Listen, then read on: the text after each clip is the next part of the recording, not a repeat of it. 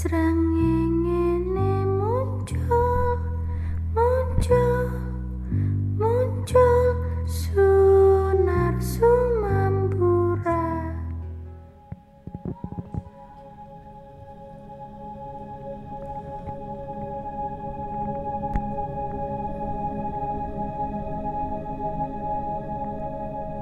Selamat malam.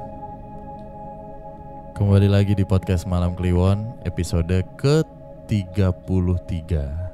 32 Salah 32. 32 bang Iya bener Terakhir kan 31 tuh Iya. Bayangkan ketawanya tuh 31 Ya nggak apa-apa sedikit hiburan. Iya. Sedikit hiburan biar nggak Intermezzo Biar gak merinding mulu kita tiap mulu. tiap take. Gitu. Nanti banyak ketawa salah. Banyak iklannya nanti salah juga nih. Jangan dong. Yoi Oke di episode ke-32 ini Balik lagi bersama Bimo dan Danu Di podcast Malam Kliwon. Selamat datang buat teman-teman yang baru bergabung Di episode yang baru-baru ini. Perkenalan suara lagi kali ya. Jadi di podcast Malam Kliwon tuh ada Bimo Suara lu Bim? Halo. Nah itu suaranya Bimo Nah sama gua Danu.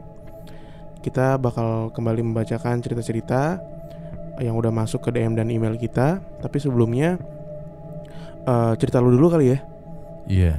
Ntar dulu kita juga malam ini kedatangan teman-teman yang bercerita langsung. Oh benar Benar. Jadi di malam hari ini Kita sudah kedatangan Dari Teman-teman kita di Bercakap Pride Bener ya? Pengelola dari Bercakap Pride Ada Mas Aris di sini Halo Mas Halo Aris Mas Aris. Halo, Mantap. Aduh. Nanti ikut cerita bareng ya Mas. Siap. Oke. Atau lo dulu deh nggak apa-apa. Cerita lo dulu Oh, aja. Baca dulu kali ya Ah, baca dulu aja.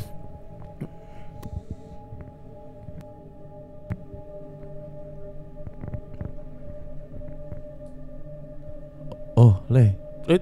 Salah, bukan salah bercakap. gue Dari tempat bercakap justru. Oh ini tempat bercakapnya Iya. Mas, pergi sana sini. Oh Itu, iya, iya iya. Oh kalau yang satu lagi Mas Yusuf ya Mas Yusuf. Ah, Bercakap Pride Cuma Oke. nanti belum Nanti, datang nanti. orangnya. Oke dari episode. tempat bercakap ya Mm-mm. Jadi kalau kalian lihat tiap malam Jumat tuh ada bercakap malam Kliwon Ini Mas Aris yang garap kontennya Betul. Oke eh, gue baca dulu nih satu cerita Datangnya dari email Halo podcast malam Kliwon Kenalin nama gue Enzo Ini cerita tentang lancangnya gue ngomong hal yang dilarang di Goa Jepang, Bandung Waduh. Gua Jepang nih. Mm-mm. Sebelumnya gue mau ceritain dulu. Jadi gue waktu itu sama teman-teman kumpul bareng di Bandung setelah udah lama nggak ketemu. Terus karena gue dadakan banget, kita nggak punya rencana apa-apa. Sampailah akhirnya kita memutuskan dengan random untuk ke salah satu gua Jepang di Bandung. Nah ceritanya, gua Jepang ini ada satu kata yang nggak boleh disebutin Oke. yaitu kata lada. Nah teman-teman gue nih udah memperingatkan gue karena gue itu anak yang kalau ngomong suka lancang, suka sembarangan. Jadilah kita ke sana. Emang sih masih sore kondisinya, sore-sore menuju maghrib lah, tapi masih lumayan terang. Nah sampai di parkiran, kata lada ini menghantui gue terus. Kayak ada satu dorongan kuat untuk gue nyebut kata itu. Akhirnya kita masuk ke dalam gua. Awalnya sih nggak ada apa-apa. Sampai akhirnya gue keceplosan nyebut kata lada itu. Nah setelah gue nyebut kata lada, mendadak suasana di ruangan itu jadi berubah. Yang tadinya dingin, sejuk, terus jadi pengap nggak karuan Oke. karena kita parno akan adanya hal yang bakal terjadi kepada kita, kita memutuskan untuk cabut karena suasananya udah mulai gak asik. Singkatnya, di malam yang sama, gue mau sekalian nginep di rumah teman gue ini di daerah Cibaduyut. Terus, pas lagi di rumah teman gue ini, tiba-tiba adiknya yang lagi biasa aja karena akrab sama gue, tiba-tiba nih dia kesur- kerasukan gitu matanya terus putih dan nunjuk-nunjuk gua ngomong pakai bahasa Sunda yang kasar. Anjing. Dia bilang kalau gua tuh nggak sopan, lancang dan lain sebagainya. Akhirnya dipanggil lah Pak Ustadz yang emang juga orang pinter dan nggak jauh rumahnya dari tempat temen gue ini. Hmm. Adanya temen gue ini kecil banget badannya, tapi pas dia kerasukan, yang megang ini sampai 8 atau 9 orang dan badannya gede-gede banget, gede-gede semua gitu maksudnya. Yang megangin. Heeh. Oke. Nah, akhirnya setelah dibaca-bacain segala macem Adanya teman gue ini sadar. Terus disuruh istirahat Dan dijagain lah sama orang tuanya. Pas semuanya udah selesai Gue memutuskan untuk istirahat. Dan kita berempat tidur di kamar yang sama. Nah sekitar jam sebelasan Gue belum bisa tidur. Nah lebaynya gue saat itu berpikir kalau dada gue kayak ada yang dudukin. Jadi gue rada sesak gitu rasanya. Terus gue ngeliat ke arah AC Jadi tuh ada space antara AC sama langit-langit atau plafon. Nah gue lihat di sana ada kuntilanak dengan kelopak mata yang kosong. Jadi nggak ada matanya Tapi rongga doang gitu. Terus lidahnya tuh panjang banget sampai ke leher dan kepalanya tuh gerak-gerak kayak ular gitu. Sontak gue teriak ngebangunin tiga orang lainnya. Dan tiga orang itu melihat hal yang sama persis yang kayak gue lihat. Lantas disusul dengan teriakan adanya teman gue yang lagi kerasukan. Oke. Akhirnya Pak Ustadz datang lagi nih nggak lama sama beberapa teman-temannya yang juga ahli dan disuruh disuruhlah untuk ritual malam itu dan pada malam itu juga gue balik ke Goa Jepang buat ritual sekaligus minta maaf karena udah lancang dan berlaku nggak sopan maaf kalau ceritanya kepanjangan terima kasih udah mau bacain cerita gue sukses buat podcast malam Kliwon Thank you, thank you ceritanya dan gue akhirnya baru tahu ada pantangan kata di gua Jepang ya. Selama Iya, ini gua nggak Gua- tahu. gua baru nih. denger sih Iya kan? dan ada. Mm, mm.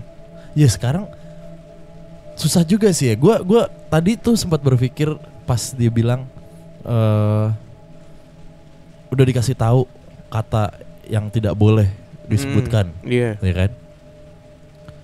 Ya pasti kebayang sih. Pasti kayak ada Tadi itu gue mau Malah bilang penasaran. ini, ternyata dia beneran begitu kan, malah Hmm. penasaran. Lada gitu kan. Lo kayak gimana gitu? keceplosan lah intinya dia Heeh. ngomongnya gitu. Gue Gua gue baru tahu sih ini. Gua Jepang ini emang ada di beberapa kota kan ya. Di Sumatera juga ada, eh, kan? Selain di selain di Bandung itu juga ada di Sawah Lunto. Iya kan? Bener Heeh, kan? di Padang. Korelasinya sama Lada mungkin ini kan pas zaman Romusa ya. Iya gak sih? Dibangunnya iya. Mungkin ya, gue nggak tahu. Gue tadi langsung kesebut kayak di pikiran gue tuh ada yang pokoknya yang berhubungan dengan pas buat tanam lada kayak apa orang-orangnya gitu gitulah. nggak tahu Nggak sih ya. gue. Tapi ya mungkin itu jadi salah satu kepercayaan orang sana gitu kata keramat yang nggak boleh diucapin. Cuman ya emang belum jelas nih buat kita reasonnya apa alasannya apa. Berapa orang tadi yang iniin le? Yang apa? Yang megangin? 8 sampai 9 orang yang megangin pas si adiknya temen ini kesurupan. Ngerontanya kayak apa tuh ya? Wah, kayak yang di TV-TV deh. Kalau Iya. lu lihat orang kesurupan kayak gitu. Yang epicnya tuh pas dia ditongolin penampakan si uh, kuntilanak ini, bolong ya. Heeh. dia kan teriak tuh, Heeh. teriak terus ngebangunin tiga temennya, tiga temennya juga ngeliat. Di momen yang sama, adiknya kesurupan lagi. Eh, adiknya temennya kesurupan lagi.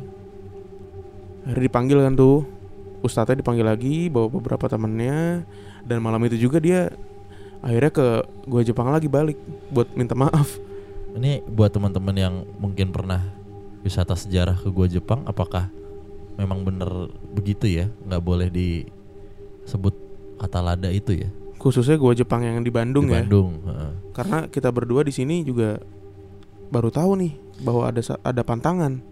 Gue jadi kayak pengen nonton ada beberapa channel YouTube yang horor-horor kan udah ke gua Jepang tuh. Yang di Bandung.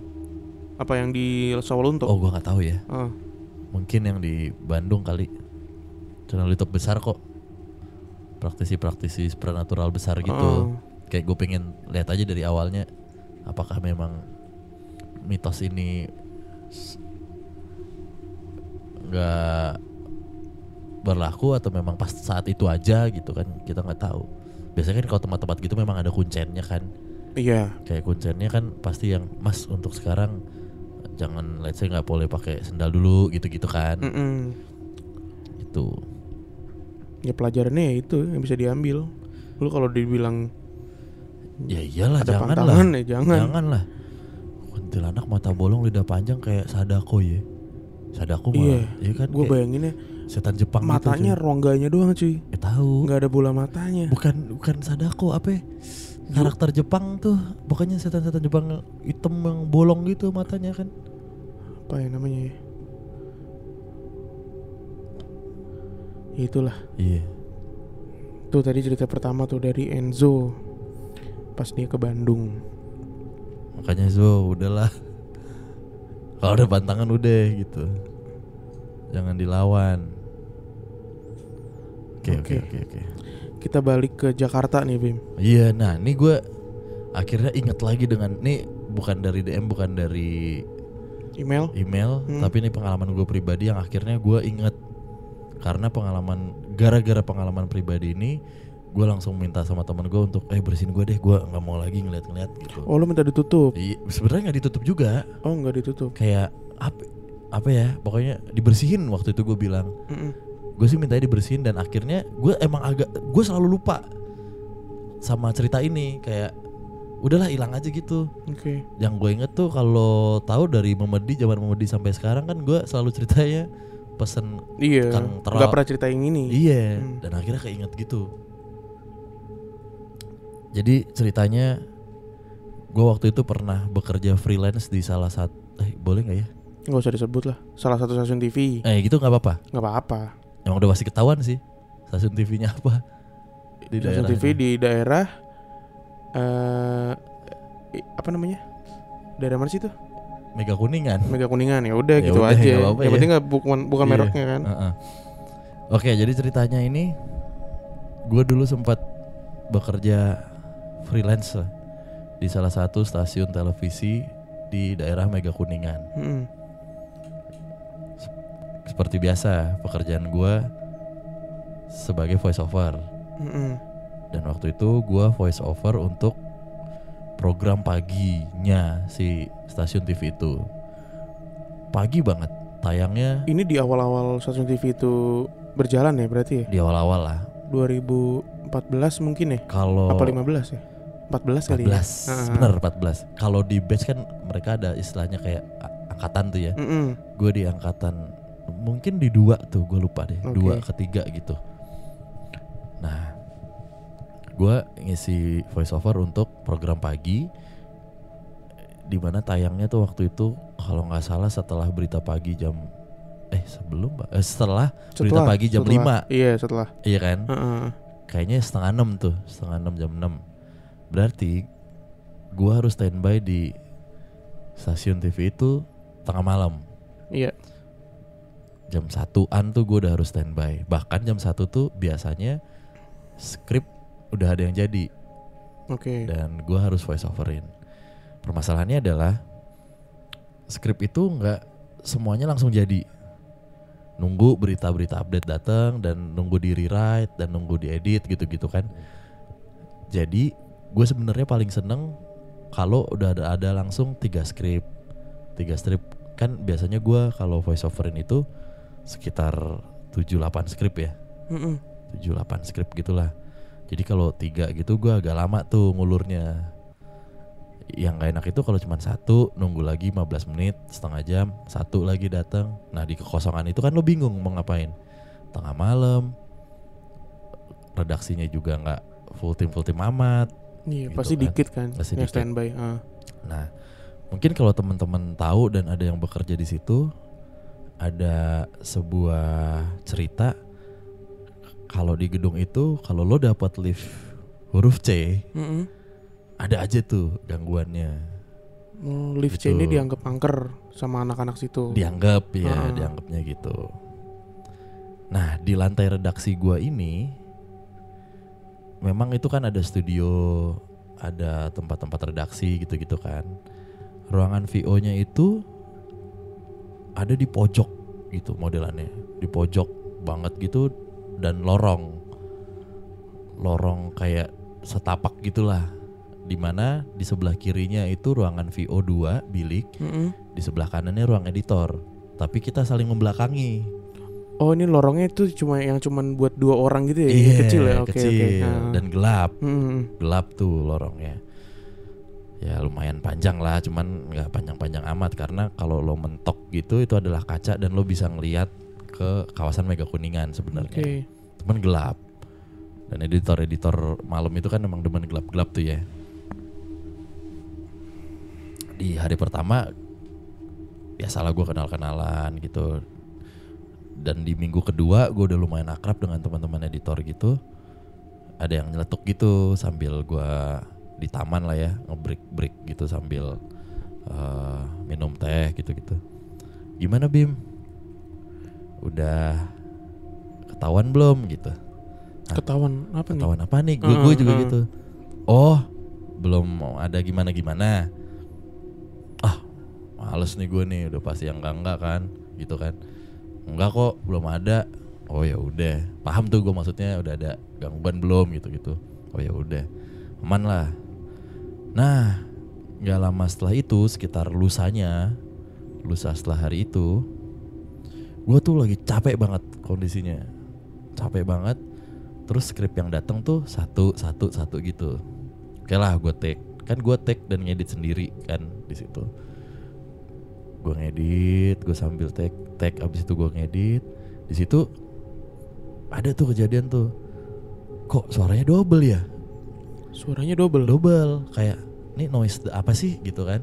Oh ada suara Kayak- lain kayak selain suara ah, lo. kok kayak bocor mic gua entah mic gua bocor atau ada suara kayak program lain masuk gitu loh kedengeran di Hmm. headphone gua kan gue dengerin kok kayak cewek ngedumel nih Oh ada Oh, suara oh, cewek kayak- ngomong oh, tapi nggak jelas. nggak jelas Ah. gitu ah males nih Hmm. mana ya udahlah gua hapus gua tag lagi aman aman itu nah gue ini mengambil posisi boothnya itu di yang paling pojok karena gue ngantuk banget kan. Gue mau di situ aja dah gue tidur aja di situ. Kalau mau tidur dulu sebentar tidur nih. sebentar emang nggak bisa tidur kan. Jadi gue tidurnya tuh entah di kursi terus kayak anak sekolah tidur tau gak lo? Yang tangan gitu atau lo di bawah sambil duduk gitu. Udah udah selesai.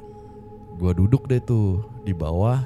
Jadi punggung gue nyender ke tembok kaki gue duduk gitu. Bukan bersila ya. Hmm. kaki gue kayak dilipet gitu terus Ngeringkel. ngeringkel Duduk gitu. ngeringkel gitu ya. terus tangan gue ngelipet di Dengkul. dengkul gitu lah Hmm. kebayang kan terus pala gue nyender gitu di dengkul sama tangan gue set gue tidur ada kali 5 10 menit gitu bangun gelap bangun gelap nah pas udah ketiduran slep dapat gitunya Hmm.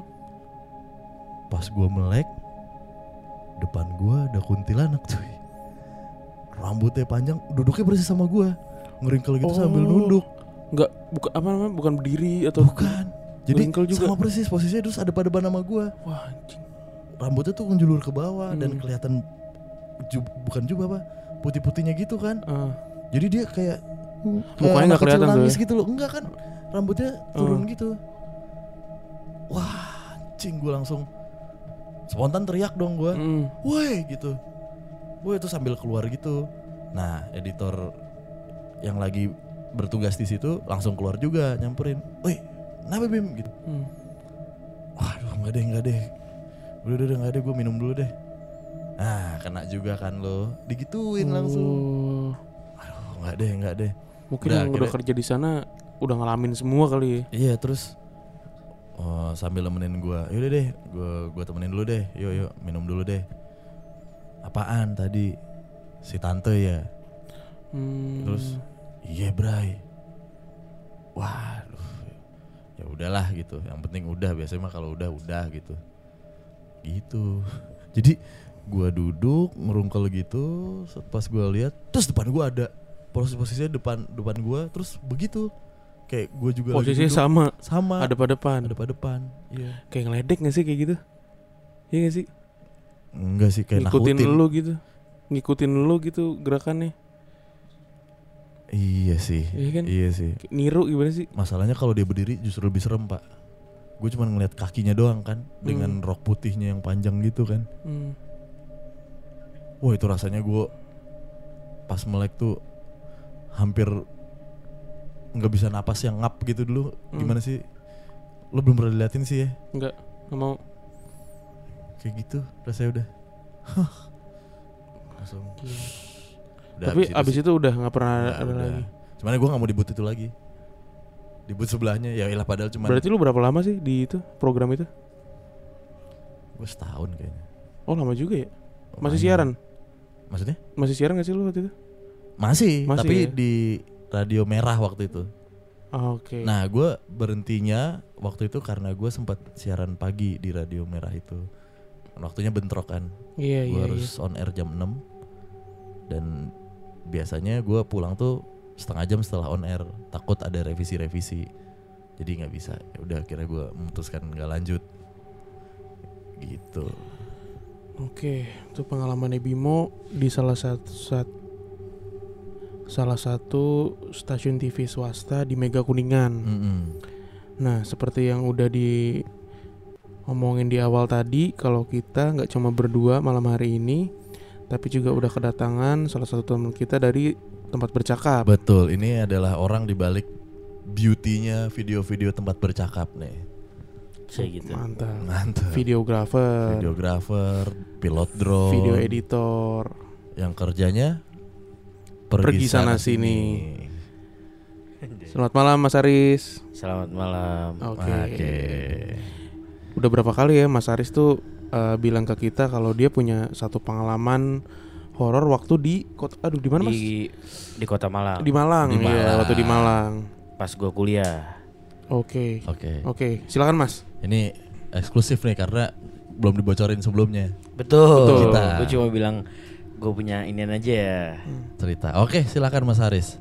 Jadi ini mulai dari mana ya? Dari awal banget kali ya. Jadi silakan. waktu itu eh, pas gua kuliah di Malang di salah satu universitas negeri dan gua ngekos tuh. Tapi kejadian ini Tahun berapa, eh, Mas, berarti, Mas? 2016. 2016. Oke. 2015 2016 tuh udah akhir-akhir itu gua ngekos di Oke. deket-deket kampus lah nggak deket banget terus abis itu tadinya gua ngekos tuh aman-aman aja nggak ada masalah horor gue di situ udah satu tahun berapa bulan lah sebelum Oke. ada inian terus gua ngekos nah abi kalau misalkan anak rantau kan kalau lagi libur abis lebaran tuh panjang tuh panjang liburan Oh iya. pada pulang semua tuh yang di Benar, kosan. Tiga benar. bulan gak sih? Nyampe dua gak sih? bulan, tiga- Dua bulan ya. dua bulanan. Terus habis itu, nah ini tuh berawal ketika abis Lebaran, abis pulang kelar, pada masuk nih, pada masuk ke kampus, yang otomatis semua pada balik satu persatu di situ. Kebetulan gua adalah orang kedua di kosan itu. Ini kejadian ini semua di kosan ya mas ya. Ini orang kedua tuh maksudnya gimana? Orang kedua yang nyampe. Oh, Yang baru ngerti. balik dari. Jakarta. Iya, yang dari kampung halamannya masing-masing. Iya, iya, iya. Ah. ya kan nah itu gue di situ udah ngerasa agak beda nih kok nggak gimana ya ngerasain hawanya aja udah agak beda tadinya Mm-mm. di situ tuh lama-lama datang satu dua terus penuh nih Oke. nah pas penuh minggu pertama kuliah tuh eh pas minggu keduanya udah langsung ada cerita dari temen gua eh, seorang musisi di atas tuh dia cerita bilang ke anak-anak kayak re aku tuh kemarin tidur tapi kayak bangun-bangun tuh kayak ada bekas-bekas apa sayatan kuku sama pegangan tangan orang Hah, di mana? Di mananya? di tangannya Oh, Tuh, udah tuh oke. pertama. Anak-anak cuma nyam apa disampaikan dari mulut ke mulut. Sampai besokannya pulang pada kampus malam ngumpul semua tuh di salah satu kamar temen gue yang kayak pantry yang kalau di kos-kosan nih pasti ada yang kamar paling lengkap lah tuh di situ tuh pada ngumpul semua ngobrol. Heeh, heeh. Nah gue di situ baru ngelihat bener-bener ada bekasnya selain bekas sayatan eh beka- bekas garuk-garukan kuku sama bener ada nyeplak tangan mas Bekas Bener, bener, bekas ini ya, bekas cakaran. cakar Heeh, sama, sama nyeplak jeplak tangan ta- digenggam oh, hmm. kalau lu ngegenggam misalkan nih orangnya putih nih padahal dia nggak putih eh, kelihatan tangan digenggam gitu loh Iya, berceplak iya, tangan. iya. nyeplak tangan ngege eh, ngegenggam tangannya itu Iya, heeh. dari situ wah kenapa nih udah tuh eh, tiap hari tuh ada aja yang ada aja yang cerita ternyata semenjak kejadian itu. Total di kosan gue tuh ada belasan kamar kan. Mm-mm. itu tuh dari ceritanya dia dia aja ada cerita lagi setelah itu. Itu kan tadi namanya Mas F lah. Kita iniin lah Mas Heeh, F. dia tuh selain itu ada cerita lagi. Dia itu pas lagi tidur siang-siang biasanya kan eh jendela kosan tuh emang kebuka kan ya? Mm-mm. itu Mm-mm. siang-siang posisinya terus temennya biasanya kan kalau orang udah sok udah anak-anak kosan yang masuk asal masuk aja. Heeh. pas mau masuk dilihat di jendela temen gua itu lagi tidur ada orang dua di kanan kirinya. Nah temennya temen gue ini nggak jadi masuk dong. Soalnya takut ganggu. Balik dia. Sorenya dikonfirmasi. Lah kok lu nggak jadi ke kosan? Lah gimana orang ada temen lu tidur gitu? Apaan sih orang gue tidur sendirian?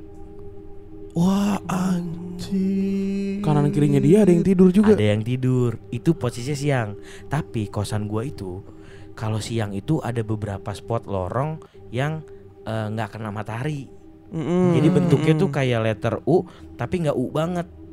Begini nih U gitu dah pokoknya U tapi nggak U banget panjang. Di bawah ada lorong, di atas ada lorong. Oh, lorong kebayang. untuk masuk. Jadi modelannya Iya, kayak iya, iya. rumah-rumah eh Chinese yang masuknya kecil, tiba-tiba pas dalam gede gitu loh. Iya, iya. Gitu. Itu dari satu tuh pertama namanya Mas F. Mas itu tadi bentukannya orangnya apa ya mas? Tidur, Enggak tidur maksudnya aja. apa?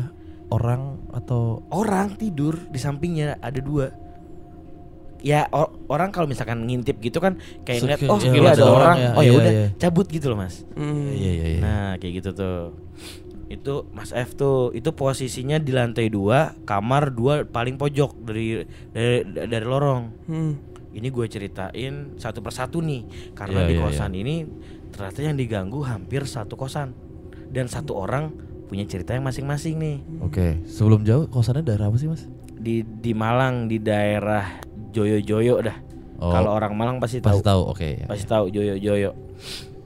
Terus gue mulai dari pojok nih. Tadi kan ini adalah cerita awalan di mana eh, horor di kosan gue muncul tuh gara-gara gangguan pertama Mas F ini. Hmm. Terus kemudian gue urutin cerita dari per kamar aja ya biar gampang nih. Anjir ada lagi per kamar. Per kamar pak, Oke, dibilang oke. hampir semua pak. Oke. dari yang ujung sampingnya dia Mas F tuh paling ujung di lorong lantai dua tuh namanya Mas Mas W dia orang Padang dia itu eh dia emang orang model dasarnya orangnya datar banget tuh tapi yang diganggu bukan dia tapi orang yang nginep di tempatnya dia. Jadi suatu ketika ini ini gue tahu cerita ini ketika semua tuh ngumpul di dalam pantry yang tadi gue cerita ya. Ah. Pada cerita tuh satu-satu. Oke. satu-satu. Terus habis itu di- dia cerita oh iya mas. Aku temanku kemarin tidur di tempatku mas. Eh, nginep kan? Hmm. habis nginep pas dia tidur itu besok-besok dia nggak mau nginep lagi. Pas tatanya kenapa katanya malam-malam dia tidur terus pas dia eh, di tengah-tengah tidur ketindian mas Mm-mm. Oke. Nah, kalau misalkan kalau orang ketindian kan eh, nggak bisa melek dan nggak bisa bergerak, hanya kita sadar dan nggak Iya bisa tuh, bergerak. Enak banget tuh. Nggak enak sumpah. banget. Iya iya iya. Tapi ini posisinya beda. Gimana tuh? Dia ketindian tapi melek, Mas. Mm-mm. Heeh. Dan pas dia melek itu ternyata ada Mbak Kunti yang lagi tiduran di dadanya. Aduh. Aduh. Kepalanya tuh bener-bener nempel di dadanya sambil lu bayangin Mas face to face, Mas. Mm. Gue gue diceritain itu langsung merinding. Mm. merinding disco satu satu pantry tuh wah ini gue merinding nih sekarang nah Sama. sampai udah tuh satu tuh mas cerita tuh Hmm. tuh gue udah ser- gue udah serem dia tambah cerita lagi selang berapa hari kemudian temanku beda orang eh, nginep mas sama pas nginep bedanya dia nggak ketindian. Dia bangun bangunin aku tidur. Wil, Wil, eh, bangun bangun bangun bangun. Kenapa itu itu itu? Ada kunti ada kunti ada kunti. Aku bangun dia bilang di atas lemari. Mm-mm. pas aku lihat emang nggak ada apa-apa. Jadi yang bisa ngeliat cuma dia doang. Padahal dia notabene bukan orang yang bisa ngeliat. Wah di situ anak-anak mulai tuh. Wih gila ini ada, ada cerita dari Wi- Wildan eh, dari Mas W eh kebocor ya. Bocor dah tuh. Gimana? Mas W tuh yang notabene dia orangnya kalem banget mas Iya. Iya, iya. kalem banget yang nggak ada begitu-begitu dah Mm-mm. Itu si Mbak Kunti itu duduk berarti di atas lemari ya? iya duduk Anjir. Kalau lemarinya iya, tuh iya. bukan lemari yang tinggi sampai apa sih namanya? Iya tahu Lantai- lemari Ah, anak kosan bagaimana lemari sih? anak kosan iya, ya kan? bener. Sedada, sedada. Oke, terus lanjut nih di lantai dua nih. Di lantai dua di sampingnya Mas F tadi Mm-mm. tuh ada anak balik papan. Dia di dia cerita juga. Dia cerita juga pas dia cerita katanya pengalamannya dia dia kan gamer nih, Mas, selalu begadang tengah malam. Dia lagi main game nyebat. Nyebat tuh apa sih? Rokok. Rokok. Ngerokok, pas abis ngerokok kelar ngegame kan ada jedanya nyebat. Dia baru banget nyebat ditaruh lah itu rokok di atas asbak. Mm. Pas dia lihat itu rokok disedotnya cepet banget mas. Bener-bener dia ngelihat ngelihat begini nih. Nah itu lari mas sedotannya. Iya, bara jalan. Cet sampai bener-bener segini terus jatuh. Weh dia langsung nggak jadi main game lanjut ditutup pintunya. Wah itu tuh di situ tuh. Udah Terus rokok. sampingnya lagi nih kebetulan gua mas. Ini sampingnya sampingnya Mas A tadi tuh Yang yang balik papan. yang balik papan itu gua dan gua nggak tahu kenapa segala macem gua nggak digodain mas cuma lo padahal doang nih. nggak ada dua yang nggak digodain Oh, Oke. deh Eh, gua nggak digodain sama sekali dan gua nggak ngerasain tapi gua ngerasain ketakutan ketika anak-anak cerita Oke. Mm-mm. ya kan terus abis itu eh sampingnya lagi nih ini ceritanya Mas A sama di bawah juga Mas A nih. Nama-namanya sama A nih yang satu orang Surabaya yang satu orang Lombok. Ini ceritanya sama nih jadi gua rapel aja ya. Jadi dia itu eh di lantai dua Mas A kamarnya di samping tangga. Oke. Nah di bawahnya juga Mas A kamarnya juga samping tangga. Otomatis dong kan bener-bener atas bawah Atas bawah. persis.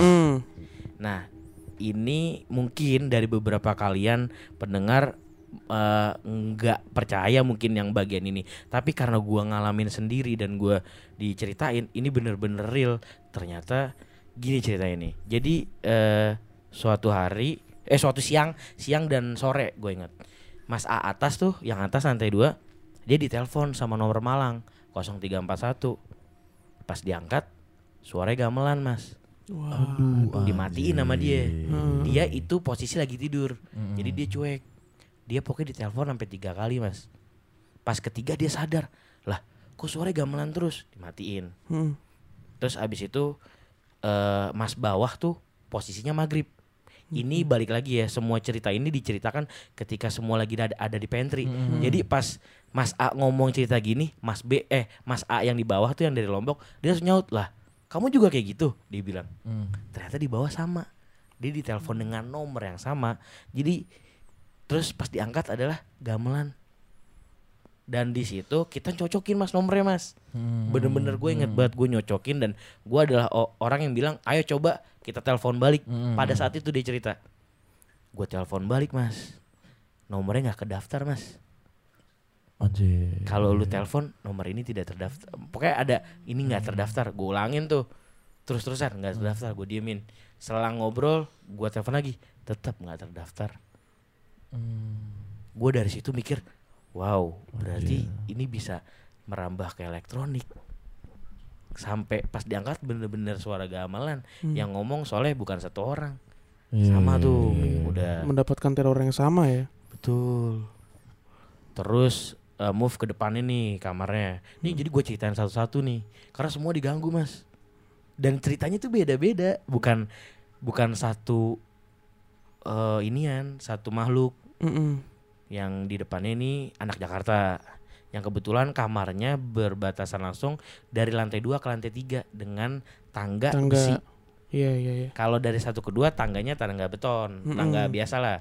Yang ini tangga besi ke arah jemuran. Jadi gue cerit, gue belum ceritain bentuknya. Pokoknya eh, kosan gue tuh letter U, satu dua buat kosan, tiga buat Jemuran. sarang eh, walet sama Oh. jemuran, Hmm. sama gudang ada juga. Oke, oke. Gudang tuh ada di lantai tiga dan lantai dua. Nah, Mas anak Jakarta ini sering denger kalau tengah malam tuh ada orang naik gitu. Tek tek tek tek tek tek. Lah dia biasa aja tuh sampai keseringan ada suara gitu langsung ditengok sama dia. Tapi nggak ada. Hmm. Oke. Suara orang lari gitu ya. Tuh, iya Ah. kayak orang naik tangga yang tak tak tak tak tak gitu loh. Iya, iya, iya, iya. iya, Kan biasa iya. kita naik tangga gitu ya. Ah. Tuh dia banyak kalau dia tuh dengar-dengar suara gamelan. Pokoknya di daerah antara kamarnya kan bentuknya U. Nah, di tengah-tengah itu ada kayak jembatan kayu gitu loh Mas, penghubungnya gitu loh. Kan bentuknya U. Nah, Iya, di iya, tengah sini tuh ada jembatan tuh di lantai dua. Di situ tuh yang paling denger sering. Mas sampingnya orang Mojokerto itu paling denger sering dia digodain cuma suara gamelan tengah malam. Hmm. itu tuh yang di lantai dua. Move kita tuh lantai atas sudah tuh mas. Semua udah eh, digodainnya kayak begitu. Lantai bawah. Lantai bawah paling ujung deket lorong yang kamarnya sama persis kayak atas digodainnya sama mas. Mm-mm. ada kuntilanak tapi di atas lemari juga. Oke. Itu Hmm. dia orang Lombok Mas A juga kebetulan di sini banyak yang awalnya namanya A ya Hmm. sampingnya lagi itu oh ini yang dokter jadi dia adalah dokter di kosan gue tuh rada Vegas gitu mas jadi apa memang eh, campur Oke. Nah, Oke. di situ ada dokter sama istrinya Mm-mm. tinggal di situ nah ini suatu ketika subuh subuh kan yang namanya dokter sama perawat itu tuh ya pagi lah dia pagi subuh subuh mandi mas istrinya Mm-mm. istrinya tuh rambutnya pendek mas Oke. se apa sih namanya nih Se sepundak. leher. ya Oh. sepundak Oh. dia lagi mandi pas mandi kelar mandi kan nya- eh kan sampoan tuh cek Heeh. cek cek cek cek cek pas sampoan dia bilas ditarik rambutnya sempantat mas Wah, anjir. Di situ teriak tuh. Istrinya subuh tuh ya. subuh subuh subuh tuh teriak. Weh kacau nih. Udah wah dari situ tuh pas mas S mas S dia eh, dokter dari Balikpapan tapi lagi dokter di Malang. Wah dia cerita di situ wah istriku udah ketakutan segala macam bla bla bla. Kalau aku sih cuek. Ternyata dia juga cerita tuh dia juga pernah di lantai satu Mhm. gua tuh di depan kamar kamarnya memang apa parkiran motor mas Hmm. Hmm. walaupun memang udah ubinan tapi motor semua di situ semua dan di situ ada kaca gede nah kaca itu biasanya memang kalau buat kita berangkat Iya, apa iya, iya, kampus ngaca dulu tuh Iya, iya. nah suatu ketika nah si Mas S ini mau berangkat pas ngaca di baliknya di belakangnya dia tuh Hmm. ada mbak mbak putih Aduh. Dia juga cerita tuh Hmm. Oke. Waduh, dalam arti wah ini udah semakin ini nih, semakin eh, banyak cerita. Kita Hmm. stop tuh. Nah besokannya dilanjutin di pantry tuh ngomong dengan kita tanya yang lain.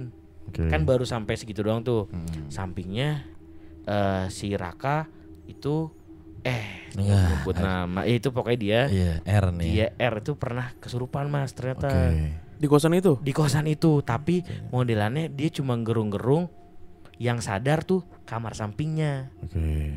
Iya, Mas A dari Sidoarjo. Nah, dia sadar, iya dia pernah gerung-gerung, gerung-gerung, digedor-gedor baru sadar. Ternyata dia kesurupan. Tuh, sampingnya eh itu dia cuma ngelihat kelebatan. Jadi ini kita semua cerita tuh Mas dari setiap kamar kita panggilin.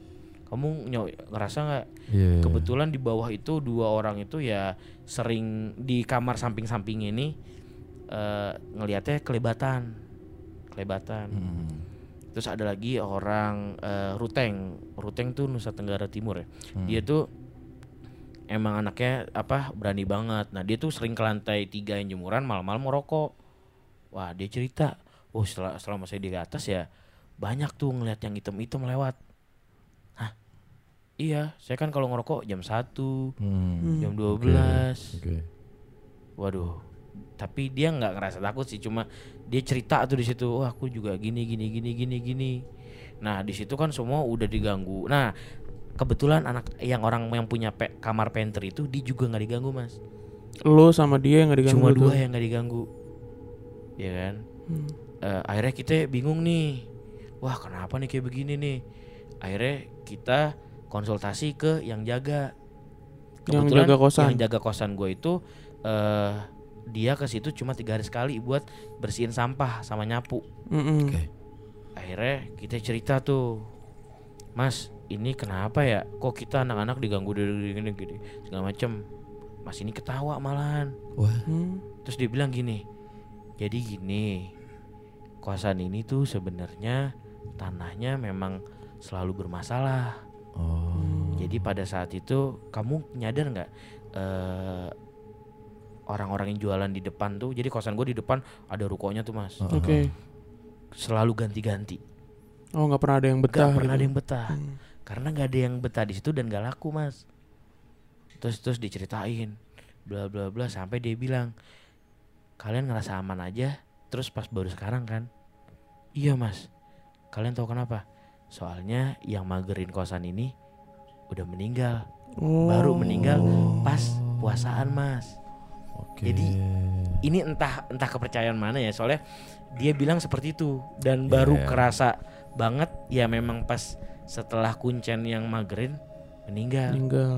dan di situ dikasih tahu pagerannya tuh ya dari dari karena basicnya orang Jawa ya ada sebuah ya tempelan gitu mas bentukannya tuh ada Oke. aja segala macam nah dari situ ya udah dia ngasih solusi buat eh, ruat apa sih kayak ngaji gitu loh. Mm-mm. pengajian. Kita buat ngaji nih ya kan? Pas buat ngaji semua eh, nggak semua yang datang kan beberapa ada yang sibuk dan memang beda kepercayaan kan. Heeh. terus yang ngaji seadanya setelah itu masih begitu aja. Masih digangguin. tetap ada yang digangguin kita satu dua cerita yang aku denger ini segala macem oke abis itu ada yang ngusulin lagi eh ngasih tumpengan Hmm.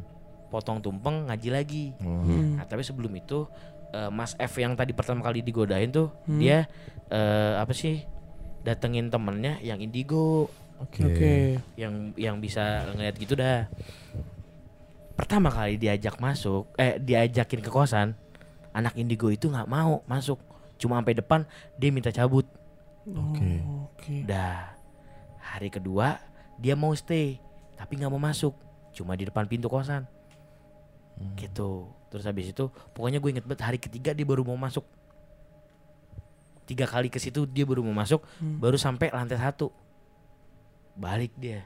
Gue nggak tahu entah kenapa apanya segala macem. Begitu dah modelannya.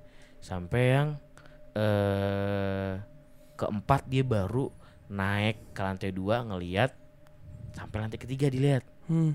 Ha- yang kelima baru dibukain kamar satu-satu dilihat di Hmm. dalam itu ada apa tuh dilihat segala macem ternyata pas balik lagi ditanya sama yang anak indigo ini ke yang jaga kosan gua Mm-mm. mas di sini ada patung nggak Patung. patung dia tanya Hmm. wah mas ini langsung kaget. Oke. mas yang jaga. Mm-mm. loh kok bisa tahu? Iya mas ada di mana? Itu saya simpen di gudang. Oh boleh. Tahu nggak mas? Iya jadi gini diceritain. Saya itu dulu sering bawa anak saya eh ja- untuk nginep di kosan ini. Tadinya dia se- sehari sekali eh tiap hari mas di situ. Kecuali weekend balik ke rumahnya. Hmm. anaknya nggak kuat tiap hari tidur di situ katanya. Gara-gara sering ngeliat eh, apa sih namanya?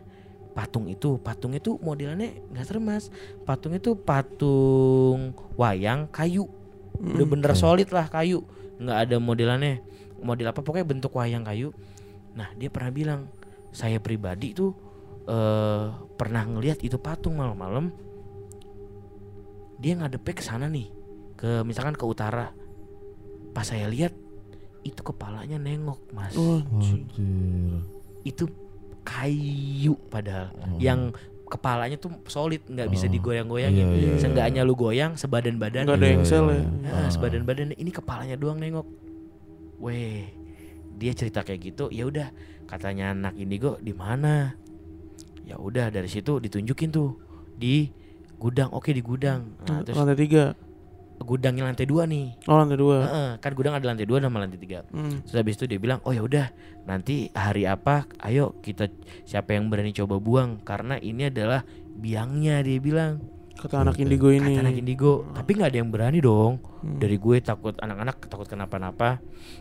Habis gitu eh ada usulan yang tumpeng tadi tuh. Ya udah tumpeng ini dulu, siapa tahu ini better tuh. Iya. Hmm. Ya udah di ditumpengin, ternyata masih ada gitu lagi.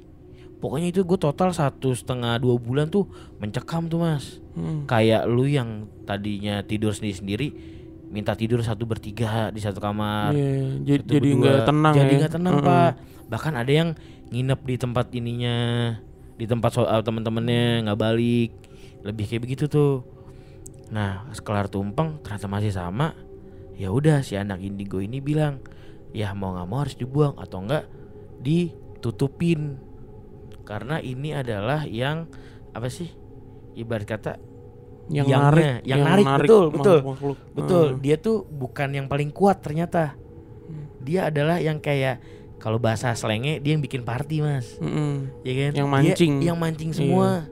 Ternyata itu. Eh, dia bilang harus ditutup, ditutup dengan nggak boleh kena udara dan nggak boleh kena cahaya matahari.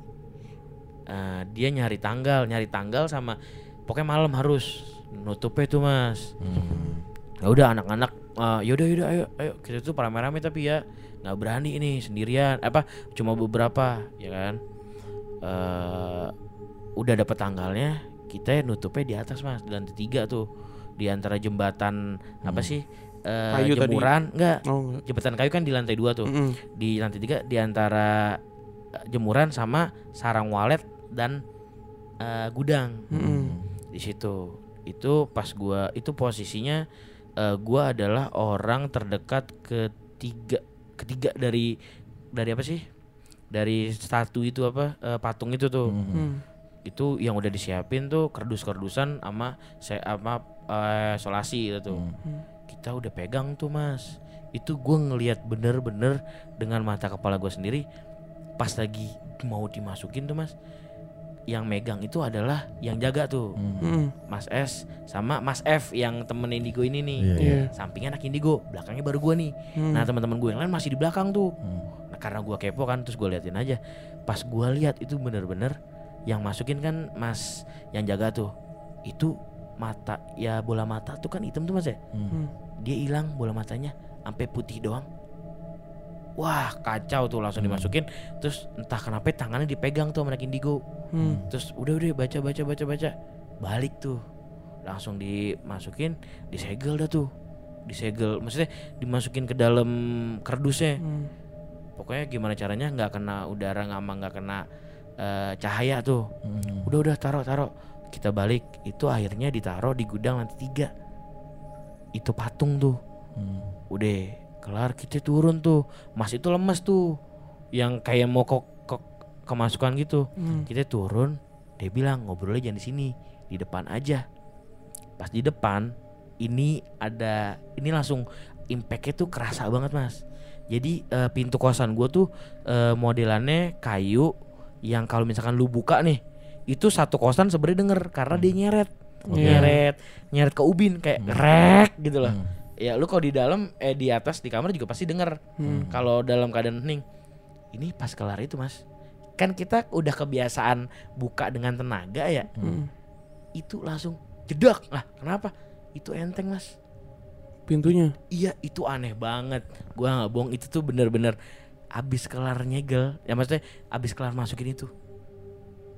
Dia mulai dia tuh ngomong "Eh, itu tuh yang menyebabin gini gini gini gini sebenarnya yang di sini tuh baik pokoknya dijelasin lah Hmm. yang di situ tuh sebenarnya baik cuma ada yang narik segala macem dan kalau kalian bisa ngelihat kosan kalian itu udah kayak pasar Oh, Oke. banyak banget ya tuh makhluknya ya. Betul. Dari situ ya udah semenjak itu udah mulai reda tuh mas. Hmm. Udah jarang ada dah. Iya iya iya. Gua sampai enam bulan di situ terus cabut udah nggak ada. Iya iya. Udah nggak nggak ada gangguan-gangguan kayak begitu tuh. begitu. Berarti sampai saat ini si patung itu masih ada di lokasi itu ya? Masih ada di gudang berarti? Wah kurang tahu tuh, soalnya pas gua cabut memang masih ada di situ. Oke. Gua cabut dari kosan iya, itu tuh. iya, iya. Lu lulus tahun berapa sih mas? Gua 2017 Oke. Di daerah mana tadi? Joyo-joyo ya? di Malang. Joyo-Joyo Malang. Kosan gua pinggir jalan raya samping Indomaret. Rusuh banget sih. Iya gue kebayang tuh teror-teror yang lu dapet sama teman-teman lu tadi selama satu setengah sampai dua bulan itu gue ngebayanginnya tuh kayak ini kayak keluarga tak kasat mata Iya. itu kan bertubi-tubi juga tuh gangguannya Iya iya. dan bangunannya ya kurang lebih sama besar kayak gitu loh Hmm. cuma nggak ada yang tahu ya background dari si tanah itu kenapa selalu bermasalah Nah itu nggak diceritain. Nggak- nggak ada yang tahu ya? Nggak diceritain. Pokoknya dia bilang kalau ada yang usaha di sini pasti nggak lama. nggak laku ya Ah, ah. Entah nggak tahu kenapa tuh. Jir. Jir. Daerah Joyo-Joyo. Gila. Tapi gue baru tahu sih Bim, kayak orang naruh pagar gaib nih. Ketika si yang naruh meninggal, ternyata pagar gaibnya tuh langsung disfungsi ya. Jadi gini, Nggak kepake lagi ya. gua lo kalau tahu ada sebuah mall gede di Jakarta Utara sebelum Ancol. Tapi kenapa sepi mulu gitu? Padahal Hmm. tuh mall gede banget gitu. Hah? Kata punya kata teman gue yang Chinese yang percaya dengan Feng Shui, Hmm. orang yang bikin Feng Shui-nya itu udah meninggal cuy. Jadi settingannya tuh kudu disetting lagi Feng Shui-nya. Tapi masalahnya udah meninggal Hmm. dan entah nggak diterusin atau gimana. Jadi akhirnya menyebabkan itu sepi gitu. Gue jadi langsung kebayang cerita teman gue gitu. Pas ngobrol lo paham kan yang gue sempet bilang kalau Feng Shui ada teman gue nih yang ada teman gue yang Feng Shui-an banget gitu-gitu. Yang kalau setiap orang mah ada elemen ini ini ini, ini gitu-gitu kan. Dia bilang, "Lo kalau tahu ada mall gede banget tuh sebelum di Ancol, tapi kok kayaknya sepi gitu." Itu karena gitu tuh yang waktu itu setting dan ini Shui-nya meninggal. Gitu katanya ya. Hmm. Jadi mungkin sama aja kali kasusnya. Mungkin ya. Tapi gue baru tahu sih tuh kayak pagar gaib gitu. Gua pikir akan stay. Kadang kan itu modelnya tanam apa ditanam ya Iya. Bim ya. Ditanam entah itu lo naburin garam kek atau nanam pohon kek atau nempelin raja. Atau kayak gini, lo pernah denger orang susah meninggal nggak karena ditanam susuk? Mm-mm. Ya gitu. Kan kita nggak tahu yang nanam siapa segala macam. Makanya harus dicabut aja gitu. Sama orang baru atau sama siapa. Masalahnya kan kita nggak bisa nanya sama dia. Karena udah Berarti kayak beda sekarang- case dong. Ya iya cuman kan kayak tapi lo harus dibenahin sama orang lain gitu. Iya iya iya. Yang dilakuin ritual yang dilakuin harus dibenahin gitu sama orang Ah. lain. Bukannya nyatu dengan orang itu misalnya orang orang itu udah misalnya ya. Hmm. Berarti kalau yang ditanam gitu orang meninggal hilang berarti gitu kan. Iya iya iya. Kayak lo harus dibenahin aja gitu. Oke deh. Wow, cukup menarik ini kosannya. Diteror satu kosan ya. Dan valid semuanya. Oke. Terima kasih nih Mas Haris Sama-sama. udah cerita panjang lebar, Panjang mantap. lebar. Yoi, sukses terus ya Siap. podcast malam Keren keluar. sukses terusan kos-kosan ya. Jangan gitu dong. Ya kan emang kenapa? Oh kan iya sih. sukses aja. Iya kan. Heeh. Mas Aris Nah, gua semangat nggak tahu terus nih sampai sekarang tuh kos-kosan modelannya kayak gimana. Tanya dong. Nggak tahu kan udah pada keluar semua. Oh iya Ini benar. udah pada lulus. Semangat terus juga nih buat Mas, Aris. heeh. Garap Thank you. tempat bercakap biar Uh-uh. makin keren. Mudah-mudahan kita bisa angkat cerita Mas Aris di bercakap malam kliwon jadi Mas Aris ke kosannya lagi. Iya, aduh jangan gitu. dong. Iya kan? Jauh. Mas Aris ngambil footage Gi. Iya, di Joyo-Joyo. Di Joyo-Joyo, Iya, balik tiga lagi. patungnya. Aduh, di foto. Pa- patungnya direkam ya Mas ya kalau bisa. Heeh, dibuka kan tuh dari kerdus. Heeh, Keluar lagi dah tuh Iya. penghuni-penghuninya. Iya. Oke, terima kasih semuanya yang udah dengerin podcast kita juga. Jangan lupa untuk share podcast kita. Terima kasih yang udah dengerin teman-teman yang lain yang udah nyumbang cerita juga terima kasih. Jangan lupa untuk tetap dengerin podcast Malam Kliwon yang tayang lima hari sekali berarti Betul. di setiap malam Kliwon bukan malam Jumat Kliwon. Bukan, Bukan. malam Kliwon. Kalau malam Jumat itu adanya di tempat bercakap, di Betul. bercakap malam Kliwon. Jadi kalian pantengin aja tuh kalender Jawa Mm-mm, tuh tiap minggu. Kapan ya Kliwon gitu. Ah. Nah, malamnya kita akan rilis episode baru. Oke, Oke, akhir kata dan pamit. Bimo pamit. Mohon maaf kalau ada salah-salah kata. Selamat malam Kliwon.